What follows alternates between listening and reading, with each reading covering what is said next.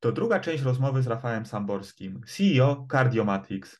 Rozmowa zrobiła się tak pełna, że zbrodnią byłoby publikować ją w jednym długim odcinku. Jeżeli nie słuchaliście jej pierwszej części, to od niej zacznijcie. A jeżeli macie już pierwszą część za sobą, to lecimy z drugą. Energię spotkaniu zapewnia Kongres Kawy. Internetowy sklep z kawą i herbatą przyjazny planecie. Cześć Rafał, dzięki, że jesteś dzisiaj naszym gościem. Cześć. Ja się nazywam Marcin Szymański, ze mną jest Sławek Mokrzycki, dzień dobry. Mam dwie hipotezy, chciałem, żeby się do nich odniósł. E, Pierwsza, górnolotna, rozwój AI nie jest taki trudny. Hmm. Rafał myśli. E, można się z tym zgodzić albo nie, nie zgodzić. Wolisz, żebym się zgodził, czy żebym się nie zgodził? I jak wolisz. Możesz powiedzieć, to zależy. E, mogę, mogę tak. E, To wiesz co, to dla ułatwienia... Pracowałem na uczelni, więc mogę powiedzieć, to zależy. E, powiem tak. Z perspektywy narzędziowej nie było takiego momentu w historii ludzkości, żeby rozwój AI był łatwiejszy. To znaczy, jeśli popatrzyłbyś e, za ścianą, e, jest nasz zespół deweloperski, e, na- najmocniejsze głowy data science'owe w tej części Europy. Mm, Jeśli popatrzyłbyś na stos technologiczny, którego używają, e, to masz do niego dostęp. E, W tym momencie możesz e, użyć e, e, TensorFlow czy czegokolwiek innego, czego, czego używają i, i zbudować bardzo podobny stos technologiczny. Także jeśli, jeśli pytasz o, jeśli, albo jeśli, jeśli patrzylibyśmy na dostępność narzędzi e, i ich koszt, to taniej nie było e, i łatwiej też nie było. E, Natomiast jeśli popatrzylibyśmy już ten poziom abstrakcji wyżej, czyli na, na tą warstwę produktu, no to raczej jestem zdania, że to jest trudne. To znaczy tworzenie produktu w tym segmencie e, w pewnym sensie jest też tworzeniem rynku. E, I, i, i z tej perspektywy e, ten element po pierwsze produktowy, czyli pozycjonowania, budowania warstwy marketingowej wokół tego, rozumienia tych potrzeb klienta jest trudny z tego względu, że Jest bardzo mało ludzi, którzy wiedzą, jak to robić. Rekrutowaliśmy teraz e, seniorową osobę produktową e, do Cardiomatics e, i nie to, że jestem super wybredny, ale dopiero w Holandii nam się udało znaleźć człowieka, który, który spełnił nasze oczekiwania, jeśli chodzi o połączenie tych kompetencji medycznych, produktowych, technologicznych. E, Tak jak powiedziałem, jest e, stosunkowo mało ludzi, którzy wiedzą, jak te e, produkty AI, na, na styku AI, medycyny, chmury budować. Mm, Więc chyba wyszło faktycznie, że to zależy. Trochę odpowiedziałeś na moją drugą hipotezę, która brzmi, to, że ktoś mówi, że ma AI, nie znaczy, że je ma. Może mieć jakiś element i tego stoku technologicznego i wykorzystywać, ale de facto to nie jest to, co brzmi takim prawdziwym AI. Mhm. I to chyba wyszło w twojej właśnie rekrutacji, o której mówiłeś, bo to gdzieś tam wybrzmiało też między wierszami. Jest taki mem znany, e, e, ten obrazek ze Scooby-Doo. e, Jest ten złoczyńca z napisem AI, potem ściągają mu worek z głowy, a pod spodem jest if i else rozrysowane. E, Faktycznie w wielu, w wielu em, filmach widziałem coś takiego. Mm, no, nie, nie chwaląc się, u nas ten element głęb... może AI jest takim bardzo pojemnym terminem. E, Ten element głębokiego uczenia maszynowego jest naprawdę zaawansowany. To znaczy, e, faktycznie e, to, co robimy, jest daleko, daleko dalej niż, niż if i else.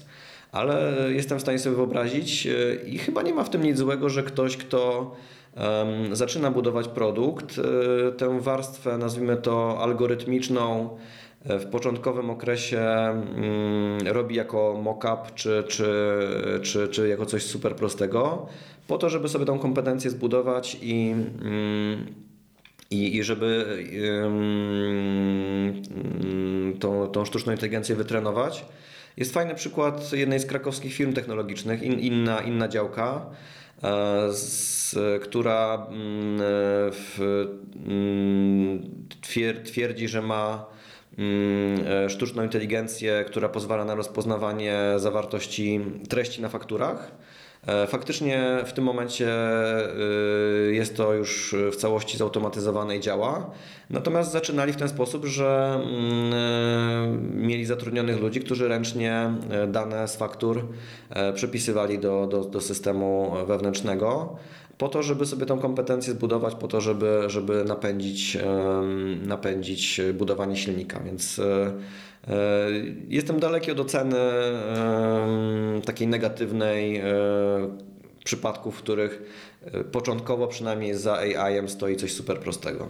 Ja też tak uważam. Myślę nawet, że to jest jeden z, jedna z dróg, którą trzeba przejść, bo czasami po prostu nie ma dostępu do potężnych funduszy albo po prostu nie ma zasobów.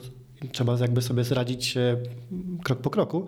E, ba, po... albo nie masz pełnego zrozumienia procesu, nie? I, I, po co masz to się obudowywać złożonymi drogimi algorytmem, jeżeli nie do końca rozumiesz, jak to e, działa, nie? Ta, ta automatyzacja białkowa na początek, moim zdaniem super ścieżka mm. i 100% dostosowania wszędzie tam, gdzie mamy jakieś wątpliwości. Ale a propos pani w czarnym sweterku, tam też tak się zaczęło, tylko nigdy nie było tego kolejnego tak. kroku. Tak, I stąd tak. krateczki. E, dobra, powiedziałeś mi już częściowo na to, co chciałem zapytać w kolejnym pytaniu. Chciałbym budować prawdziwe kompletne AI w pełnym tego słowa znaczeniu, jak, jeśli tak w ogóle można. E, mam wiedzę taką backgroundową w medtech. Mhm. E, mam pomysł, który chcę realizować.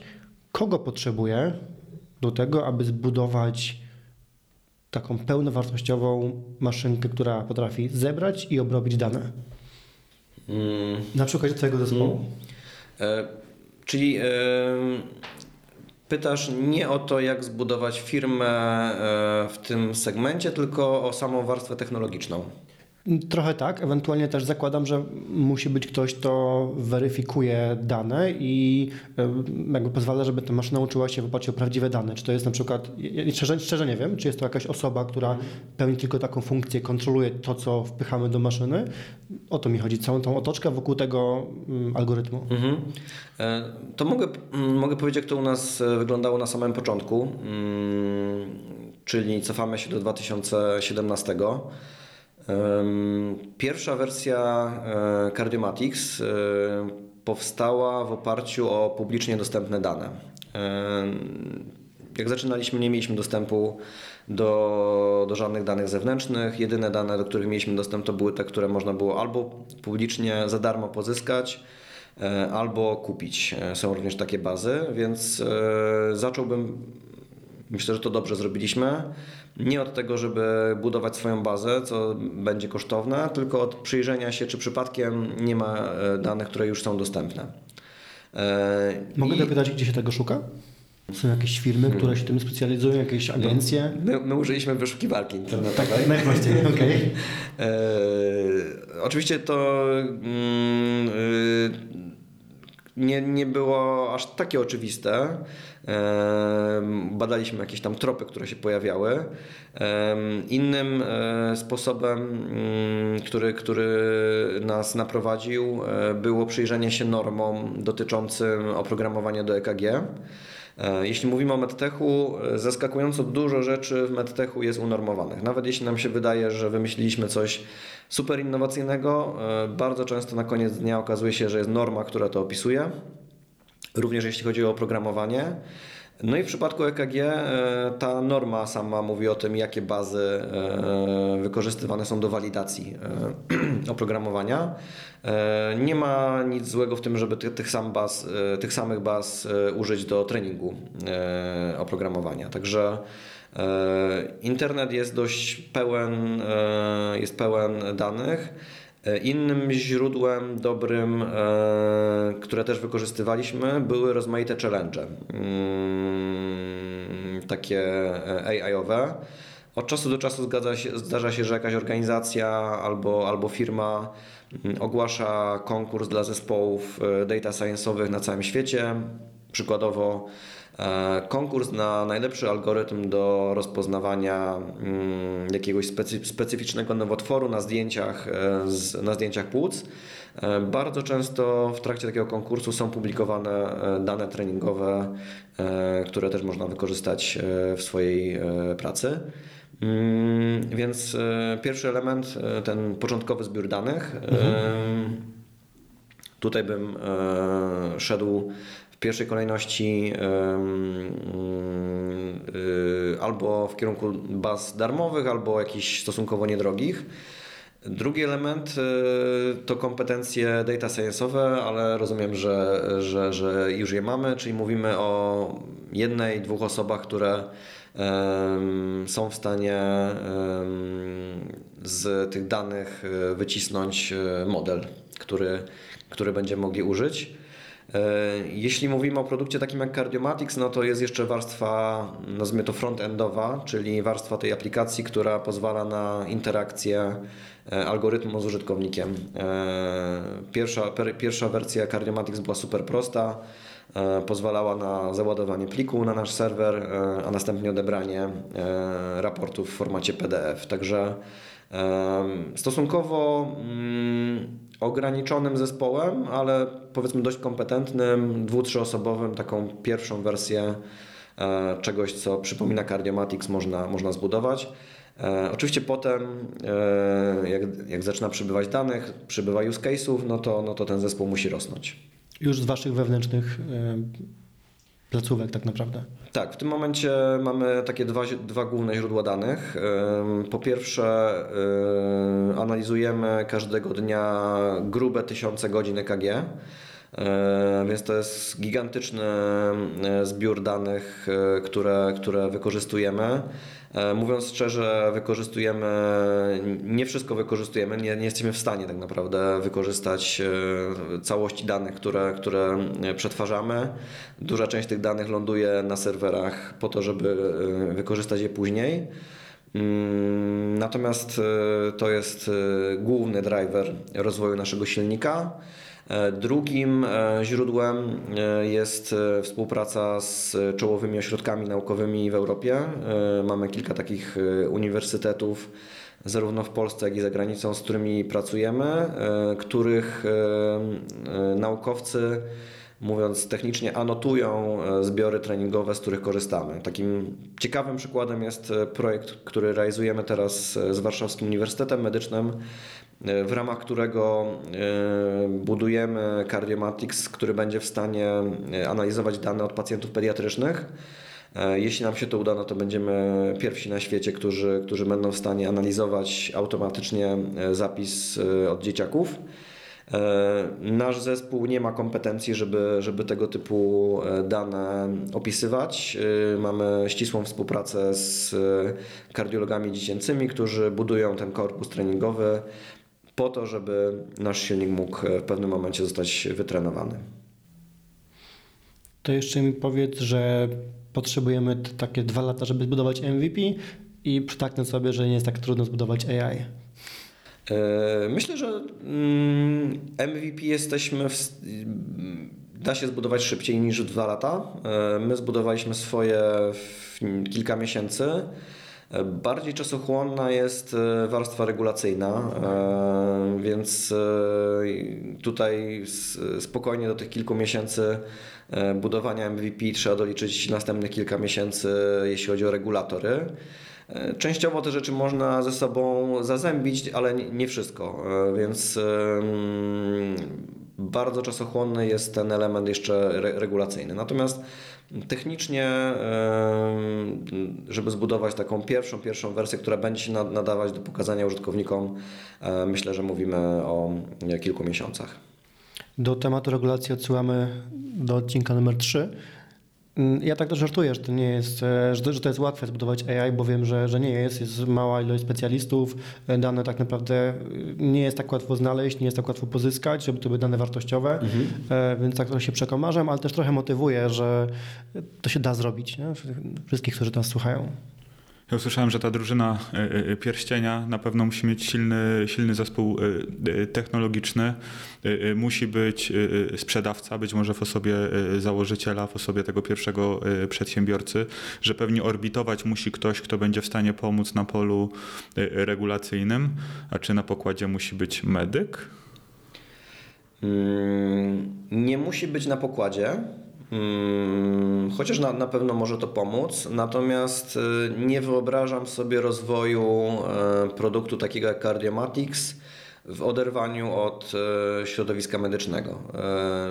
U nas akurat w gronie founderów czy, czy tego pierwszego zespołu nie było medyka.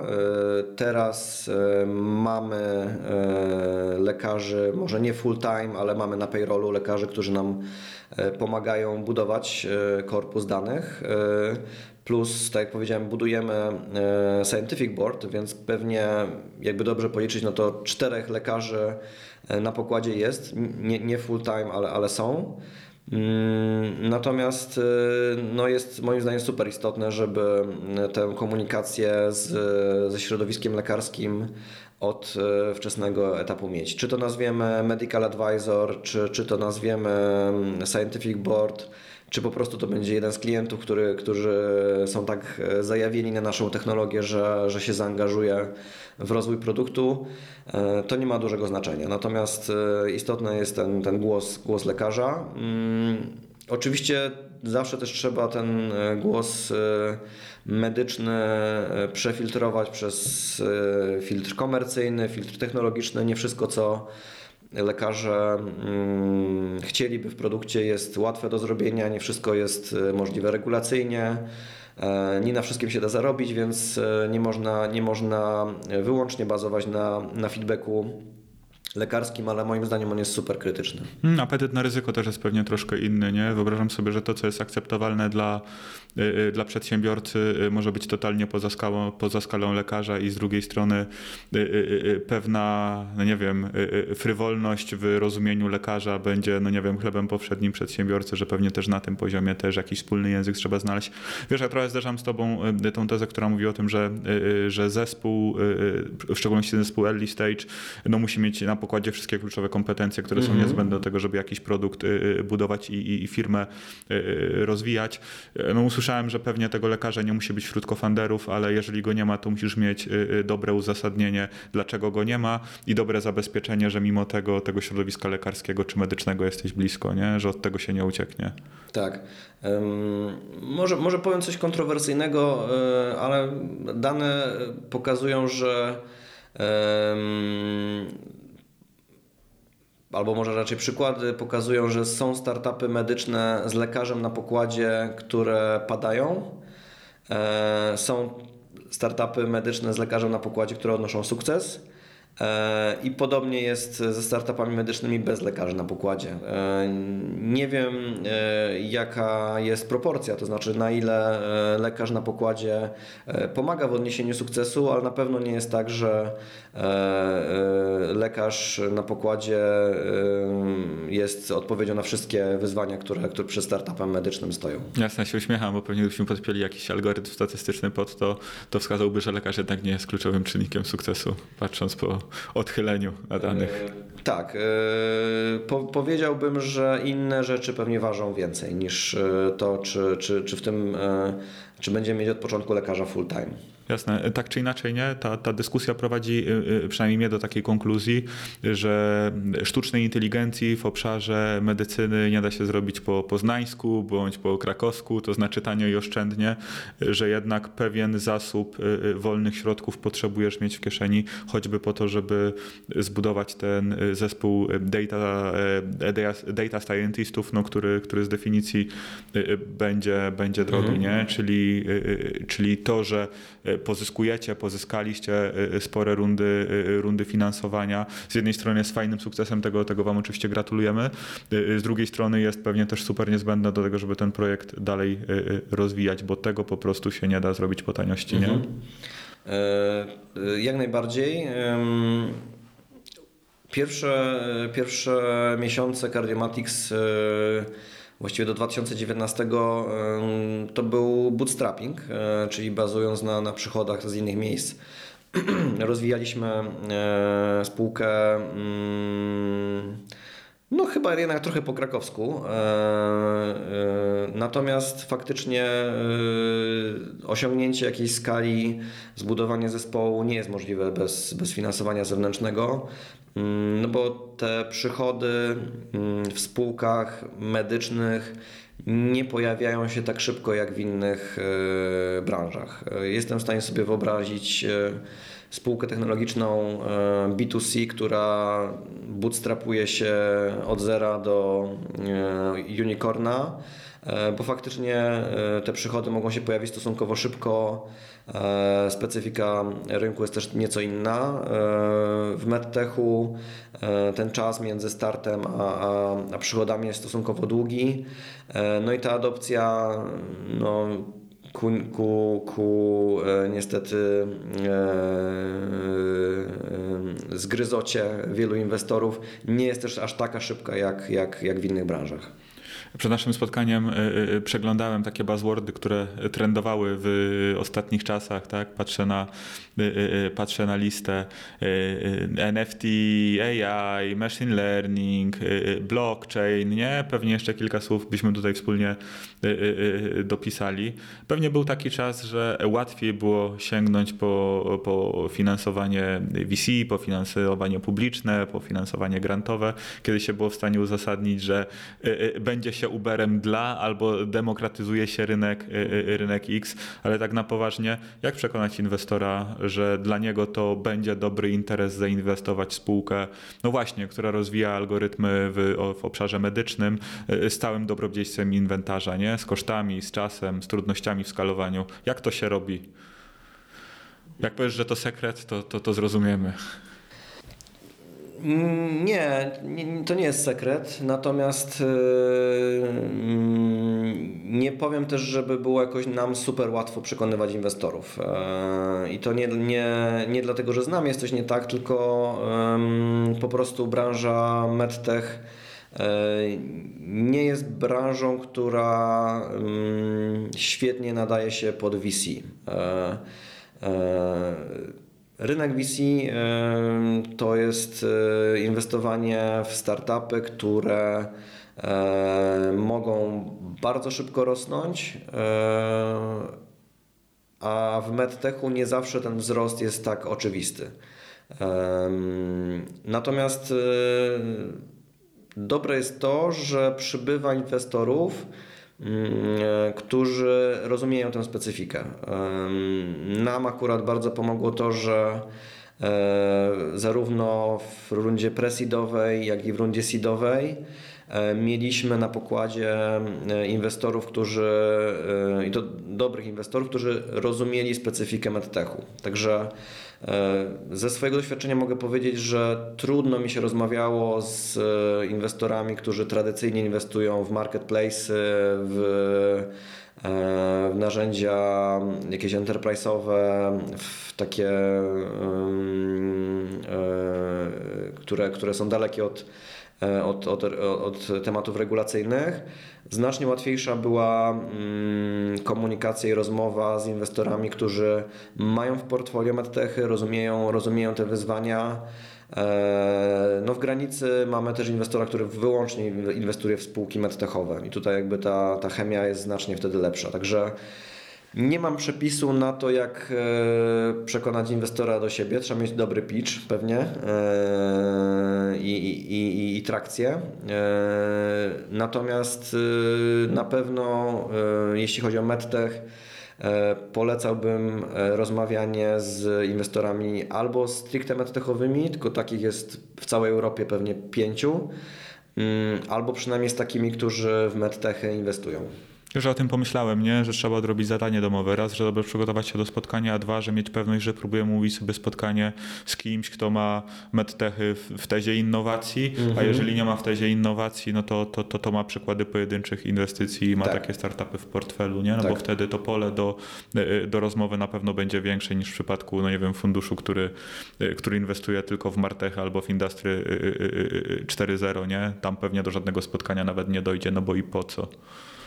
To prawda. Mm, niestety, tak jak powiedziałem, takich inwestorów jest stosunkowo mało. Mm, e, zaczyna ich przybywać, ale, ale wciąż e, myślę, że spółkom, czy to marketplace'owym, czy, czy, czy B2C, pozyskuje się środki nieco łatwiej. Wypunktuję następujące rzeczy. Specyfika medtechów jest taka, że późno generują przychody. Mhm, tak. E, rynek venture capital jest ograniczony z powodu tego, że jest to stosunkowo mały rynek. B2C jest dużo fajnym ciasteczkiem niż medtech, który przy okazji ma kupę regulacji. B2B e, też jest fajnym ciastkiem, ale nie tak e, medtech jako element, element rynku, w naszym wypadku B2B jest stosunkowo niewielki. Częścią, mhm. dokładnie. Kolejny, kolejny punkt to mało jest funduszy, którzy rozumieją specyfikę medtech Mhm. I teraz zobaczcie, jak to zbierzemy do kupy, no to tak naprawdę potrzebujemy bardzo silnych argumentów, e, które po pierwsze pozwolą wycenić wartość naszej spółki, po drugie przekonać tych inwestorów do tego, że to jest fajny pomysł i to się ma spiąć. I teraz ciekawi mnie, jakich argumentów wy używaliście, albo mhm. jakich argumentów warto używać, przykładowo zatrudnienie, trakcja, wielkość danych, e, baz danych do, do AI, które mogą pomóc w pozyskiwaniu funduszy. Mm, na pewno istotny jest, e, my jesteśmy wciąż na wczesnym etapie, to znaczy to, to co będę mówił e, odnosi się do etapu pre-seed, seed.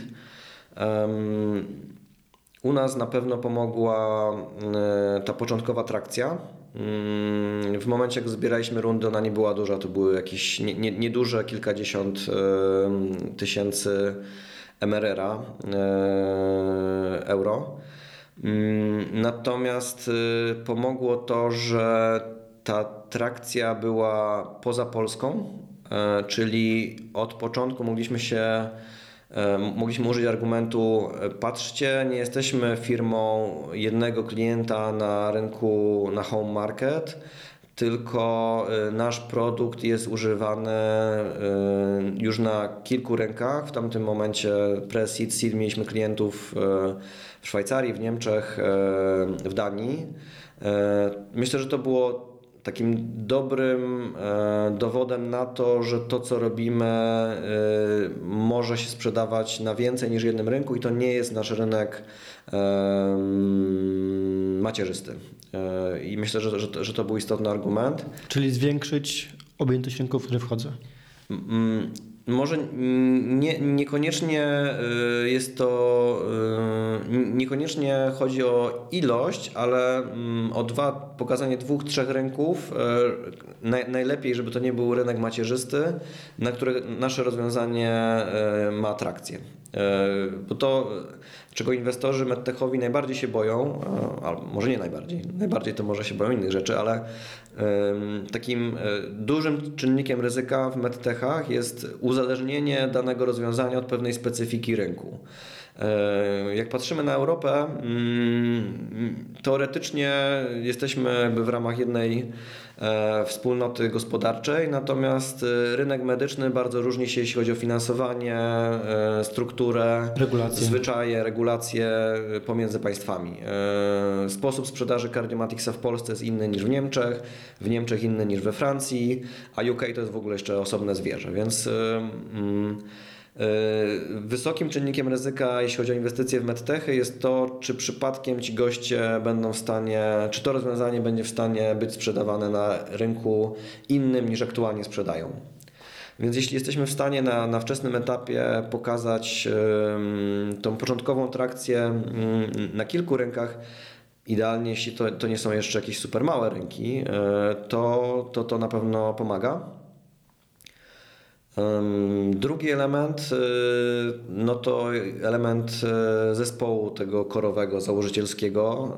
Tak jak, tak jak Marcin powiedział, myślę, że dla inwestorów jest ważne, żeby te kluczowe kompetencje były, były w, ramach, w ramach tego pierwotnego zespołu, żeby, żeby pokazać, że mm, to nie jest tak, że Software House nam zrobił e, kawałek softu, ktoś nam zrobił prezentację i teraz biegamy po inwestorach, że, żeby, żeby zebrać pieniądze, ale jesteśmy faktycznie teamem, który, który te kompetencje ma. E, wiemy, jakie są nasze mocne strony i jesteśmy w stanie na tych, na tych mocnych stronach budować. E, myślę, że, że to też pomaga.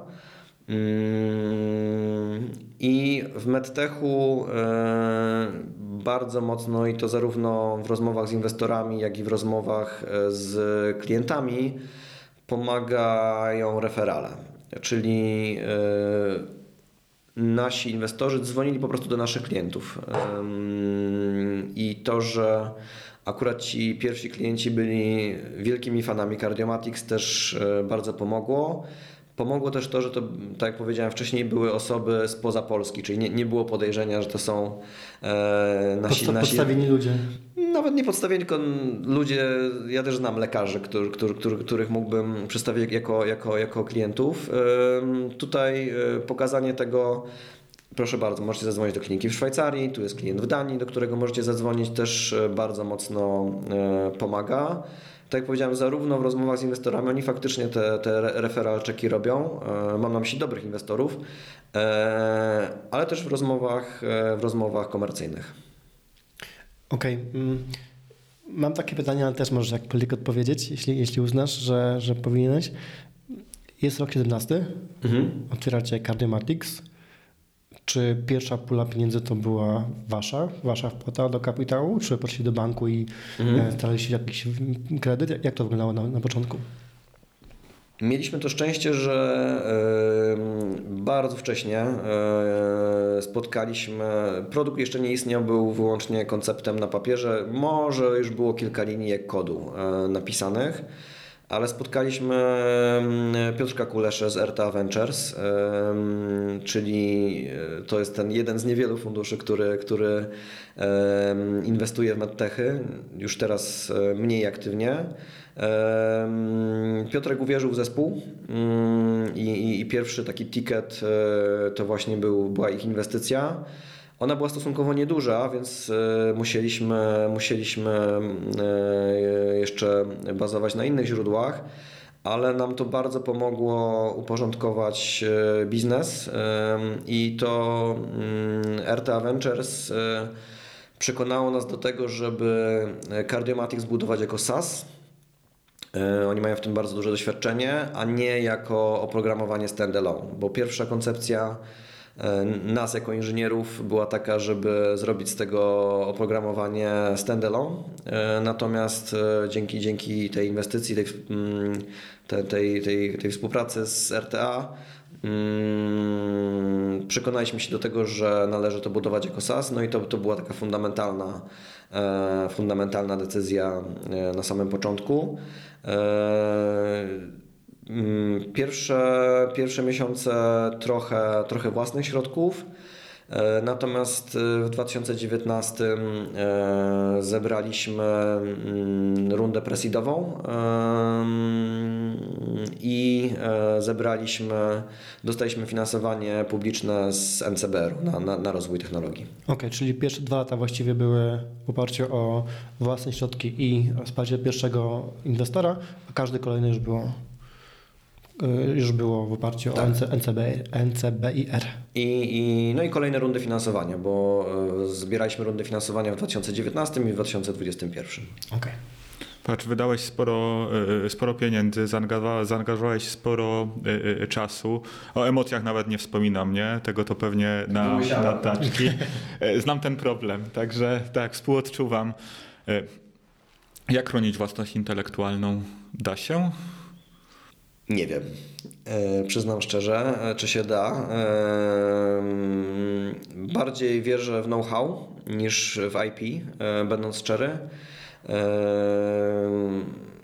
natomiast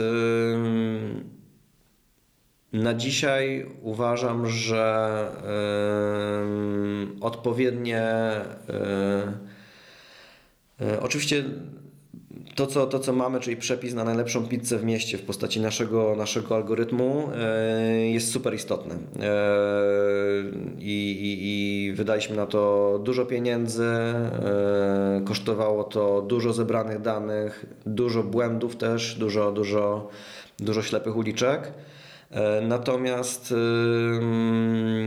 co najmniej tak samo istotny jest sposób e, opakowania tego w produkt, e, sposób sprzedania, baza klientów, więc zagadnienie ochrony wartości w spółce takiej jak Cardiomatic jest zagadnieniem znacznie, tak uważam, bardziej wielowymiarowym niż ochrona e, samego algorytmu. E, także to jest e, mm, coś więcej. Mm, tak jak powiedziałem, bardziej wierzę w budowę know-how i ochronę tego know-how.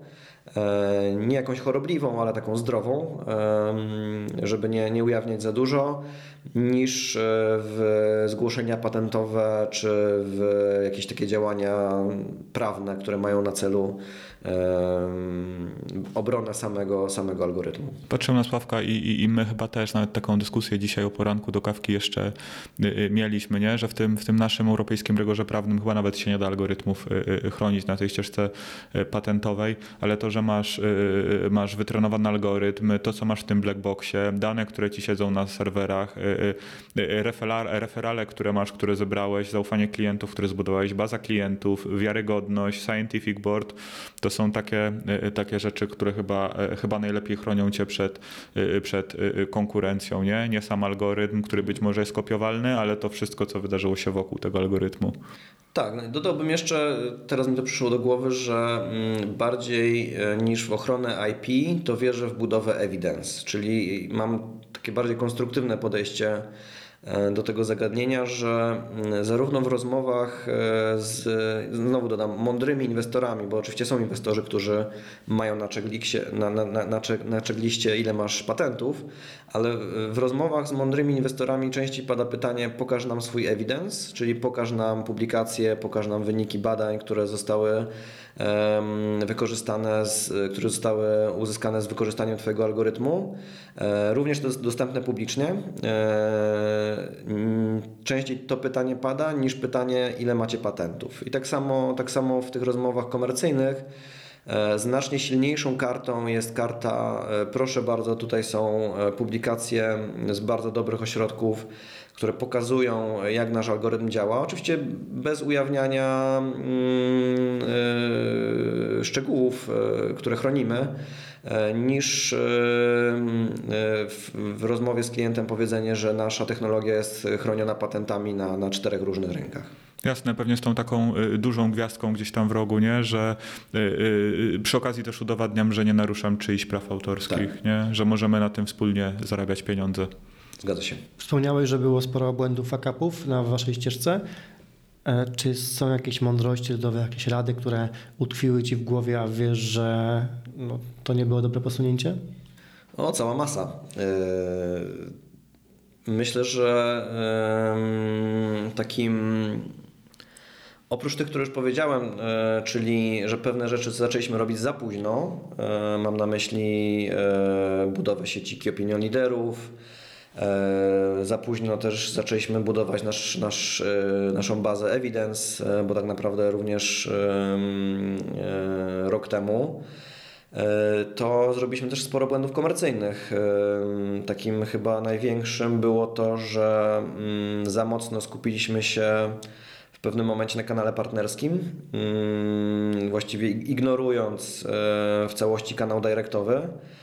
E, co spowodowało, że mm, nasz produkt e, był e, rozwijany nie w kierunku takim, żeby adresować potrzeby użytkowników końcowych, tylko adresowaliśmy potrzeby naszych partnerów.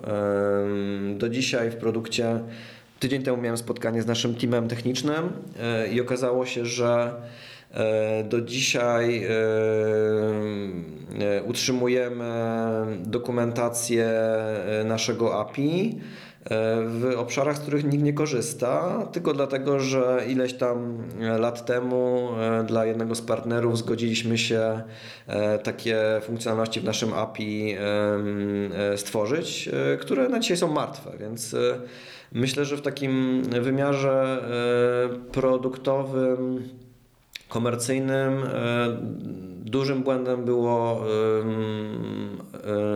zaniedbanie kanału dyrektowego e, i, i zaniedbanie e, badania tych potrzeb e, użytkowników końcowych kosztem satysfakcjonowania, że tak powiem, partnerów, które to nie zawsze potrzeby są zbieżne z potrzebami użytkowników końcowych. Czyli to taką jedną radą, którą mógłbyś y, udzielić tym, którzy zaczynają, to jest to myśl o y, odbiorcy końcowym, myśl o użytkowniku, to na nim się fokusuj? Tak, tak. E, nawet jeśli e, decydujesz się na dystrybucję swojego produktu kanałami partnerskimi, czyli czy to w porozumieniu z producentami sprzętu, czy przez dystrybutorów, to istotne jest e, rozumienie potrzeb tego użytkownika końcowego. E, można to robić na, na, na różne sposoby, ale, ale mm, to, nie, to nie partnera masz usatysfakcjonować, tylko na koniec dnia użytkownika końcowego. Jasne, ma, ma dużo sensu, bardzo dużo sensu. Rafał, what's next? W jednym, z, w jednym z wywiadów, w jednej z rozmów powiedziałeś, że pla wasze plany na przyszłość to opanować świat. To dalej jest w mocy? Tak powiedziałem? tak, mam, mam, mam w cudzysłowie, więc tak. Dobre, no to, no to myślę, że, że, że pozostaje to y, aktualne. Y, natomiast y, uśmiecham się teraz, bo mm, pamiętam naszego mm, pitch decka z rundy E, seedowej, czyli sprzed roku, mm, gdzie pierwszą wersję tego pitch decka, potem, potem trochę to skorygowaliśmy, ale e, byliśmy bardzo dumni z tego, że mamy użytkowników chyba wtedy w 13 europejskich krajach. E, pamiętam, że byłem bardzo dumny, pokazując w pitch decku taką mapę Europy pokolorowaną na czerwono, która to mówiła, jak to świetnie nam idzie ekspansja. Mm, trochę w tym duchu się uśmiecham, że E, opanowujemy świat. Na, na dzisiaj e, wiem, że mm, istotniejsze od kolorowania mapy świata jest e, istotniejsza jest penetracja, mm, czyli przenieśliśmy teraz, teraz nasz fokus z kolorowania mapy świata na głębszą penetrację rynków, na których już jesteśmy. Wciąż takim kluczowym rynkiem pozostaje E, dach. E, bardzo fajnie nam zaczyna działać UK. E, świetnie, że, że, że pojawia się trakcja w Polsce. Więc takim planem krótko-średnioterminowym jest po prostu głębsza penetracja rynków, na których już jesteśmy. I to będzie też, myślę, fajna, fajny punkt do, do kolejnej rundy finansowania, jeśli pokażemy, że y, nie, nie strzelamy przypadkowo w różne miejsca w Europie, tylko już udało nam się zidentyfikować te rynki, które są um, dla nas dobre i, i pracujemy nad nimi. Natomiast równolegle um, oczywiście um, szykujemy się na świętego grala wszystkich start, y, startupów medtechowych, czyli na Stany Zjednoczone. E, za chwilę podejrzewam, że w ciągu tygodnia, może nawet gdzieś w momencie, jak ten odcinek będzie publikowany, będziemy mm, komunikować e, pierwszy e, duży projekt z partnerem amerykańskim, z jednym z czołowych uniwersytetów w Stanach. Mm, jednocześnie kończymy nasze submission do FDA, no i chcielibyśmy w przyszłym roku E, rozpocząć działania komercyjne w Stanach. Także mm, poza tymi rynkami europejskimi, na których już jesteśmy, gdzie, gdzie chcemy tą trakcję pogłębiać, e, takim e, kolejnym, kolejną flagę chcielibyśmy wbić w Stanach. Myślę, że to się powinno wydarzyć w ciągu 12 miesięcy. Rafał, w takim razie mówimy się na dwie rzeczy. Pierwsza to jest taka, że będziemy ściskać kciuki za realizację tych planów, a druga taka, że już teraz zablokujemy kalendarze na to, żebyśmy w przyszłym roku mogli y, do Ciebie wrócić i nagrać odcinek i o certyfikacji FDA-owej, ale też o tym, jak ekspansja na Stany wychodzi. Tymczasem dzięki Ci za dzisiejszą rozmowę, za to, że znalazłeś czas, że udzieliłeś tyle wartościowych odpowiedzi. Y, y, niech odcinek, niech odcinek się klika, niech słucha jak najwięcej osób, bo naprawdę jest z czego korzystać. Super, bardzo dziękuję. Ja również mega dziękuję. Sporo cennych lekcji również dla mnie. Dzięki. Dzięki.